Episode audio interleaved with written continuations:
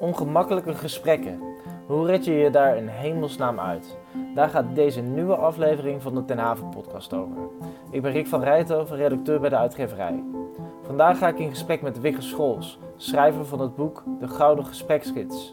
Hij is Head of Faculty bij de School of Life Amsterdam, waar hij de stevast uitverkochte cursus De Kunst van het Gesprek gaf.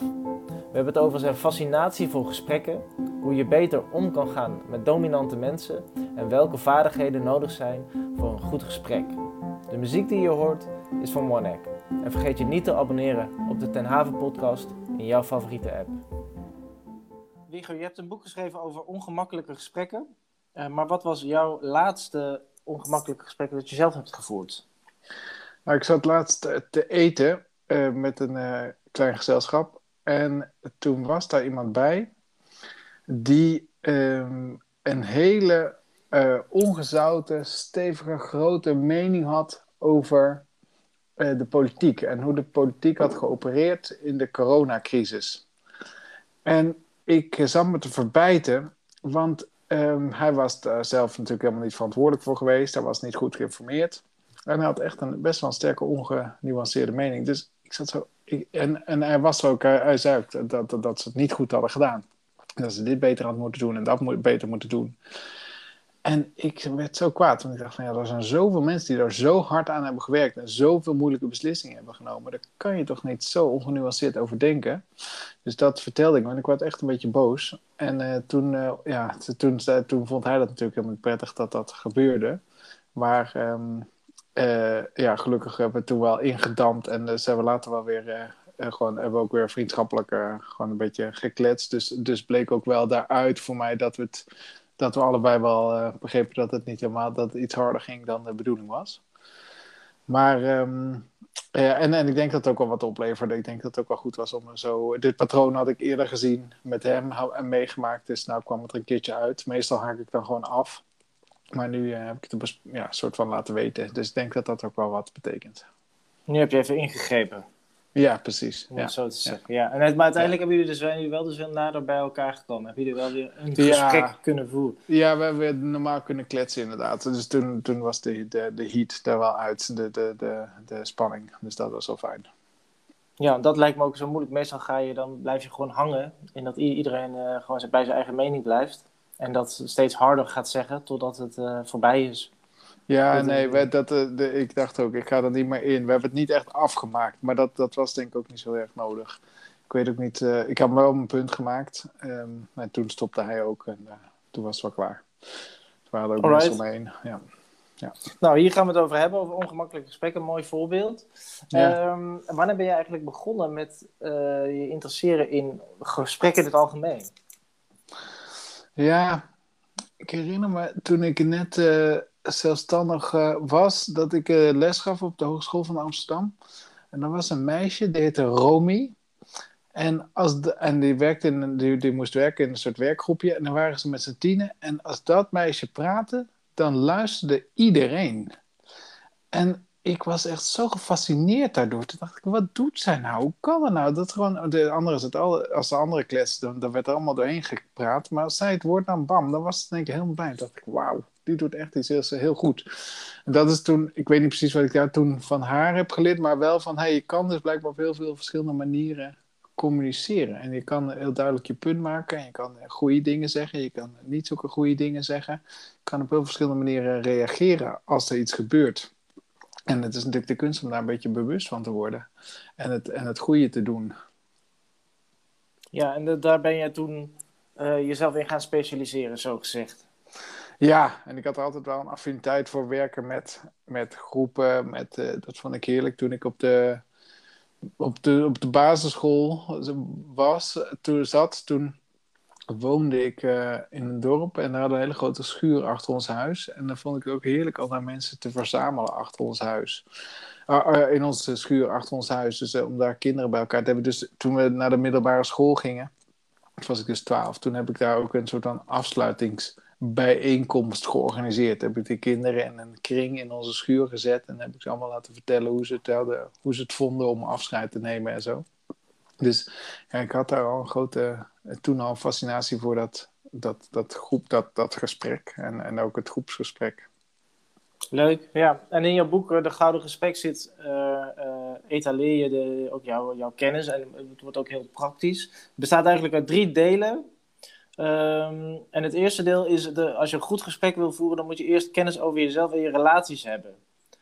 Waarom is dat eigenlijk zo van belang bij een gesprek? Dus, dus je doet het toch juist gewoon met, met iemand anders. Het gaat toch over wat je zegt. Ja, en op het moment dat je uh, weet waarom je bepaalde dingen doet en dat je reflecteert, dus dat je leert om te reflecteren op, op dingen die je hebt gezegd, dan zul je, men, je, je, je kennis over jezelf vergroot en ook in de gaten krijgt wat voor dynamieken jij losmaakt, dan kun je ze ook gaan veranderen. Dus die, die, die introspectie, dat zelfinzicht, is een heel belangrijke manier om, om te kunnen veranderen. Anders ben je, dat is ook zo'n mooi trapje, dat, dat gaat van onbewust onbekwaam naar bewust onbekwaam. Als je niet weet wat je niet goed doet, kan je er ook niks aan veranderen. Dus daarvoor heb je dan nodig om jezelf en jouw stijl van manier van communiceren te, te leren kennen. En dan kan je gaan, uh, gaan verbeteren en dan word je bewust bekwaam.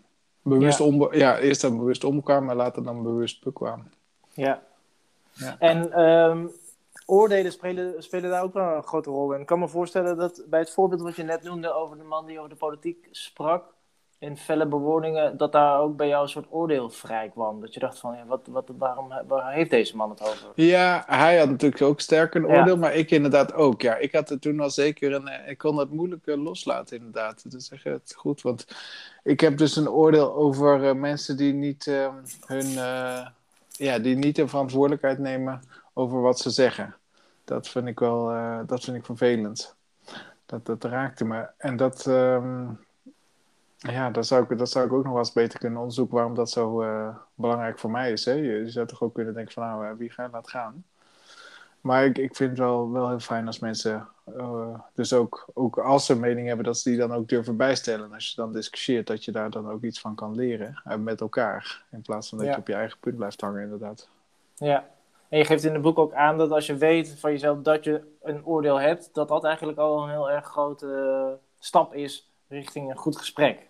Ja, inderdaad. Ja, als je daar een klein beetje bewust bent dat, dat, uh, dat, dat, dat, dat je ergens iets over denkt. Ik heb daar een oordeel over. Hè? Dat zeggen we dan zo tegen elkaar in, uh, in onze coach- en trainersvak.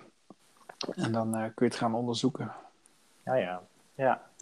Um, het tweede deel gaat over vaardigheden. En het derde deel uh, bestaat uit allerlei praktische toepassingen en tips. Um, ik wil, dat zijn eigenlijk de drie delen waaruit het boek bestaat. Ik wil nog even naar de, naar de vaardigheden. Um, want wat voor vaardigheden zijn er nou echt nodig om een goed gesprek te voeren? Ja, we hebben gezegd dat zijn uh, drie uh, vaardigheden die je nodig hebt. Je moet goed kunnen confronteren, goed kunnen luisteren en goed uh, zijn in complimenteren. Dus dat, dat zijn de drie cruciale vaardigheden die ik uh, in dit boek uh, beschrijf. En kan je daar wat meer over vertellen? Ja, daar kan ik bij alle drie natuurlijk wel meer over vertellen. Maar dat, um, het, het, om te beginnen bij het confronteren. Het confronteren, dat is wat veel mensen natuurlijk niet leuk vinden. Um, omdat, er, omdat je ook nader niet weet wat er gebeurt als je uh, confronteert. Uh, wat, wat er daarna zou kunnen gebeuren. Het is altijd een soort van aantrekkelijker om het bij het oude te houden.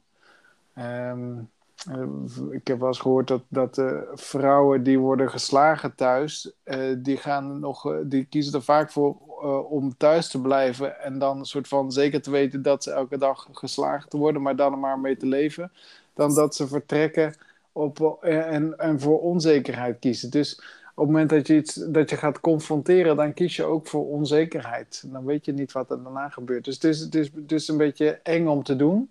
En tegelijkertijd weet je ook dat als je niet confronteert, dat de, dat de situatie waarschijnlijk ook uh, blijft zoals die uh, is. Ja. En dat is ook zonde. En daarom helpt het heel erg om uh, te vertellen aan, aan degene die je confronteert waarom je dat eigenlijk noemt. Waarom je dat doet. Dat noem ik dan de intentie. Dus wat heb je voor intentie bij je uh, confrontatie? En wat zou dat dan bijvoorbeeld kunnen zijn? Nou, dat je zegt van, nou, ik zou eigenlijk eh, eh, op je werk zou je kunnen zeggen, nou, ik zou eigenlijk eh, met, liever met minder moeite of met meer plezier met jou kunnen willen samenwerken. Maar ik merk dat ik de hele tijd, dat ik er heel weinig energie uithaal. Um, dat, zoiets kan je zeggen.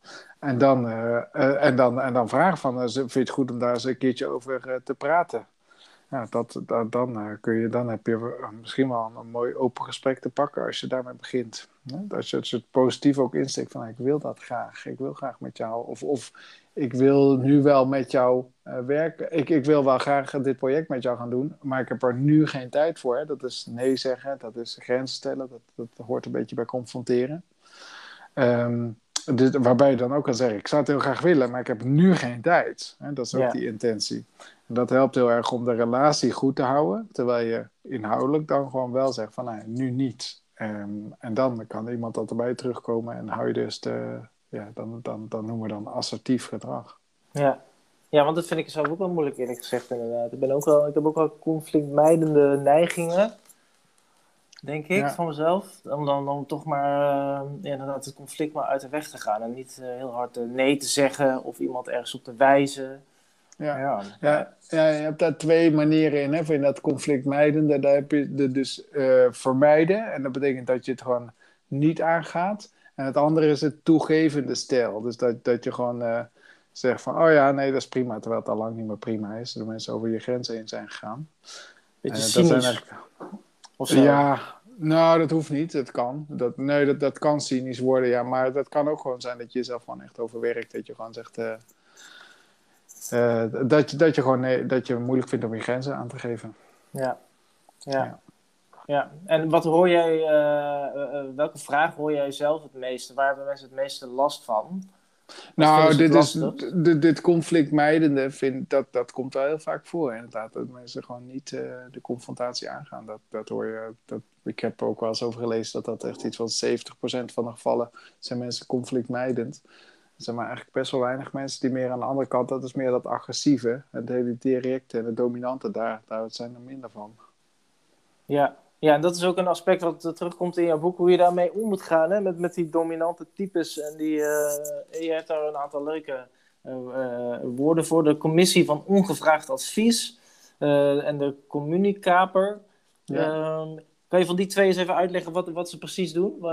Hoe jij ze definieert? Ja, ja van die, die commissie van ongevraagd advies. Dat zijn dus mensen die um, jouw advies gaan zitten geven op het moment dat je daar nou, letterlijk dus eigenlijk niet om gevraagd hebt. En dat, dat kan zijn omdat ze denken dat ze het beter weten of omdat ze enthousiast zijn van de mensen. Oh, dit boek is echt iets voor jou. Of mijn vrouw die heeft een grondige hekel aan mensen die dan gaan yoga en daarna zeggen, nou het was zo heerlijk, je zou het ook echt een keertje moeten proberen, dit was geweldig. Weet je, dat soort van, het wordt heel pushy. Um, en ook heel moeilijk om daar een soort van nee tegen te zeggen op het moment dat je dan zegt van, omdat je op het moment dat je daar geen zin in hebt, dan, dan kan dat eigenlijk niet. Hè? Je hebt dan bijna geen vrije keuze. Dus, dus die, dat soort gedrag, dat neemt heel erg de autonomie van, uh, van jou. En dat oh vindt eigenlijk geen enkel mens prettig. Ik doe dat zelf heel, heel vaak. Dit boek moet je lezen. Of, dat is ook een werk, hè? Ja, dat is, wel, dat is ook mijn werk. Maar ook in mijn privé, dan heb vrienden, dan heb ik weer een boek gelezen. En dan, dan, dan, waar ik mijn leven mee verhandeld. En dan moeten zij dat ook allemaal lezen. of dan ben ik begonnen met mediteren. En dan is oh, de oplossing voor alles is dan meditatie. Ja, precies. Ja. ja, nee, dat, is, dat, dat, dat, dat, dat kan leiden tot, tot mensen, dat, dat, dat de mensen eigenlijk jou niet meer zo goed weten te vinden daarna. Want denk je, ja, godverdikkie, jij zit altijd met zijn stomme advies. Ik wil dat gewoon niet. Ja, dat kan natuurlijk ook. Oké, okay, daar moet ik dus op letten. En hoe kan ik herkennen uh, dat ik dat doe? Of eigenlijk, ja, als ik dus inderdaad aan het invullen ben voor een ander of zo. Uh... Ja, dat precies. Dat is inderdaad invullen. En um, als je ook, uh, ja, ja, als je aan adviezen gaat zitten geven, dan, uh, dan kijk, wat, wat, het is maar een klein, wat, wat je best genuanceerd anders kan doen, is, is vertellen over je eigen ervaring, zonder dat je daarbij zegt dat, dat iemand anders dat ook zou moeten doen. Je, dus je kan gewoon vertellen over dat je aan het mediteren bent geslagen en dat het jou helpt. Dat is, dat is niks mis mee. En dan kan iemand die dan eh, daar ook geïnteresseerd in is, die kan op een gegeven moment naar je toe komen en zeggen: hé, hey, wat voor meditatie doe je eigenlijk en wanneer dan en hoe ben je ermee begonnen? Weet je, dan kunnen mensen gewoon zelf komen. Dat is natuurlijk eigenlijk een veel, ja, veel mooiere manier van, van doen dan dat je dat in iemand zijn schoenen schuift of probeert te schuiven. Ja, dat is wel prettiger. En uh, stel dat je te maken krijgt met mij als uh, commissielid van ongevraagd advies. hoe, hoe kan je daar dan het beste op reageren? Poeh, ja. Dus dat, uh, je kan... Ehm, nou, het is denk ik sowieso wel goed om er wel duidelijk over te zijn. En ook wel fijn om daar luchtig over te zijn. Nee joh, dat is echt niks voor mij. Dat heb ik al eens geprobeerd en dat doe ik echt niet. Weet je wel, zo gewoon klaar. In plaats van dat je denkt dat het echt moet. Want daar gaat het natuurlijk fout. Dat je dan denkt van, ja, kut, moet ik dat nou of niet? Terwijl, je mag natuurlijk gewoon zelf kiezen. En dat zal die ander ook helemaal niet zo erg vinden. Want ja, jij als commissielid van onvaard advies bedoelt heus ook niet dat diegene dat echt moet gaan doen. En dat je dan gaat checken of hij dat wel of niet doet. Weet je, dat is natuurlijk helemaal niet aan de orde. Dus uh, als je dan duidelijk bent, dat, ja, we noemen dat ook wel eens, zo, dat dominante gedrag, dat noemen we ook wel de de, een uh, soort haaiengedrag van dominante haaien, zoals de, de grote vis, zeg maar, die andere vis opeet. En dan zeggen we ook wel tegen dat soort mensen: mag je ook een haai terug zijn. Dat vinden haaien eigenlijk wel fijn. Dus dan, dat noemen we dan de haai-haai-strategie. Waarbij als iemand een haai is, dan wordt de ander, mag je dus ook wel een haai terug zijn. Nee, dan zeg je fuck af met je mediteren. Weet je, ik vind het helemaal niet leuk en uh, dat is niks voor mij. En uh, ga mezelf lekker mediteren. Weet je, klaar. En dan is het dus ook weer terug in zijn, in zijn houding. Denk oh ja, oké, sorry, jij hebt gelijk ook. Weet je wel, bemoei ik me mee. Maar dat, dat, vinden, dat vinden haaien vaak helemaal niet zo erg. Daar schrikken ze nee. niet zo erg van. Nee, omdat ze het zelf ook wel doen. Dat ja, ze doen het ook, precies. Ja, het is gewoon herkenbaar ja. voor in de... Ja, ja precies. Hm. Ja. En dan hebben we nog de communicaper, wat ook zo'n leuke term is. Ja, de communicaper, dat is dus... Dat, het, het geëikte beeld daarbij is dat je dus zit te praten met iemand die je nog niet zo goed kent. Die heb je gezien bij de sportclub of... Uh, uh, weet ik veel, een nieuwe hobby of, of in op een verjaardag. En dan, dan heeft diegene net iets gevraagd aan jou. Je bent het eventjes eh, zo, zo van, joh, uh, hoe is het met je moeder? En je vertelt, uh, nou, mijn moeder die heeft tegenwoordig diabetes. En dan zegt diegene dus meteen daarna, oh ja, dat heeft mijn poes ook. Weet je wel, die heeft dat sinds twee weken, dat is verschrikkelijk. Terwijl je dus, dus dan, dan haal je meteen weer, de communicaper haalt dat onderwerp dan weer naar zichzelf toe, de aandacht. Hè? Dus de, in plaats van dat de aandacht op jou gericht is en dat je even iets vertelt over hoe het gaat, mag ook iets goed zijn of iets blij zijn. Maar in ieder geval dat hij dan, dan, dan gaat die aandacht, die wordt in één keer weer, haalt die communicaper terug naar zichzelf. En dat is, um, ja, dat is eigenlijk nooit, dat is niet zo leuk. Dat verdiept het gesprek uh, niet zo erg. Het wordt leuk uh, voor eigenlijk allebei de partijen als er meer diepte in het gesprek komt. En het is niet altijd een slecht ding hoor. De communicatie geeft gewoon ook bevestiging. Maar het is wel een neiging waar veel mensen een hekel aan hebben. Dus het is wel iets goeds om op te letten, om bewust te zijn dat je, dat je eerst een paar vragen doorstelt. En dat je dan op een gegeven moment uh, ontdekt dat, dat, dat het wel een beetje klaar is met dat onderwerp. En dat je dan nog even je, je eigen ding daarover in de, in de ring gooit. Maar dat je een beetje voorzichtig bent. Want uh, mensen haken af hè, op het moment dat je. ja, dat het weer over hun gaat. Ja, precies. Ja. Over zichzelf gaat. Ja, dat, dat, dat, ja, dat, haakt, dat geeft inderdaad geen verbinding. En als je dan toch die verbinding wil maken, maar je hebt wel te maken met een communicator. Uh, wat ja, kan je dan doen? Nou, dan zit je dus inderdaad met het dominante gedrag. En als iemand heel graag wil vertellen, um, de, of ze te ratelen ook, of dan dan ehm, kun je daar ook wel iets aan doen door zelf eigenlijk gewoon de ruimte te geven aan zo iemand die dat gewoon nodig heeft op zo'n moment. Hè. Daar heb je wat empathie voor nodig, maar gewoon denk van, oh ja, weet je wat, diegene moet dat gewoon nu even vertellen. En ik ben hier om dat te ontvangen en dat is oké, weet je. Dus je gaat gewoon rustig zitten, je ademt rustig je, en, je, en je vraagt door. En dan zal diegene op een gegeven moment wel ook voelen dat, dat, die rust misschien wel een beetje voelen. En wat zelf wat kalmer worden. En uiteindelijk ook wel rond, ja, stopt dat dan weer. Maar dat is dan de zachte manier om dat aan te pakken. Als je het wat steviger wil aanpakken, als je daar echt veel last van hebt, dan kan je wel ook um, uh, op een gegeven moment zeggen van, joh, ik merk dat je de hele tijd... Uh, uh, over jezelf begint, terwijl het eigenlijk terwijl het net daarvoor dan even over mij gaat. Um, ja, het goed om uh, wees proberen om wat meer door te vragen of zo. Hè? Maar dat soort dingen, dat soort feedback kun je eigenlijk alleen maar geven op het moment dat je dan ook een stevige relatie hebt met elkaar. Dat noem ik dan de emotionele bankrekening. Als die goed gevuld is, dan eh, kan je ook weer eh, elkaar af en toe eh, een tikje geven. Dat is dan niet zo erg. Maar daarvoor moet je dus wel veel vertrouwen hebben in jezelf en ook in die ander. Dat kan niet zomaar op de eerste de beste netwerkbol. Nee, ja, nee, dat, dat, dat is niet zo. Dat is, dat is niet zo. Ja, dat, dat is eigenlijk voor niemand leuk, hè? Dat, dat, om, om meteen afgezwaaid te worden. En ben jij zelf trouwens meer een commissielid van ongevraagd advies of een uh, communicator? Of heb jij andere, zeg maar, dominante neigingen? Neigingen, ja. Nou, ik denk dat ik het communic... Ik denk dat ik het tegenwoordig wel aardig in de vingers heb. Hoewel ik het lastige... Wat ik nog wel kan doen is, eh, is uh, coach, in de coachrol springen. Dat, omdat ik dat ook voor mijn werk doe. En dan, dan, zie, dan, dan meen ik echt te zien wat belangrijk is. Zeker voor mensen dichtbij doe ik dat dan echt slecht. Als ik bijvoorbeeld met mijn broers of met mijn vrouw of met anderen. Die ga ik dan ook uh, per ongeluk zitten coachen. Dan heb ik in één keer een hele stevige mening over de omstandigheden waar zij terechtkomen. En dan zeg ik, ja, maar dat doen, die, dat doen die figuren om jou heen toch ook allemaal niet goed. En dit en dat. Weet je, word ik ook een beetje verdedigend voor hun. En dat werkt eigenlijk helemaal niet. Dus dat, uh, dan, dan ga ik te snel naar de. I skip to the conclusion. Ja, ja, eigenlijk hoor ik dat ook wel meer terug nu in dit gesprek. Is dat het heel erg gaat over heel snel willen invullen voor een ander wat er, wat er, wat er, wat er gebeurt of wat er speelt. Ja, ja klopt.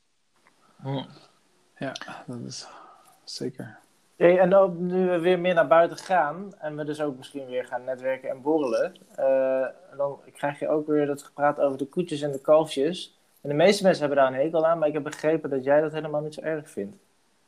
Nou, nee, ik vind dat inderdaad, ik vind, het daar, ik vind het leuk om dat te zien gebeuren. Dus ik doe er ook mezelf wel met enig enthousiasme aan mee omdat, het, um, omdat ik ook wel heb geaccepteerd dat het erbij hoort. Uh, dat je koetjes en kalfjes. En dat, dat is iets wat, wat wel fijn is om te accepteren.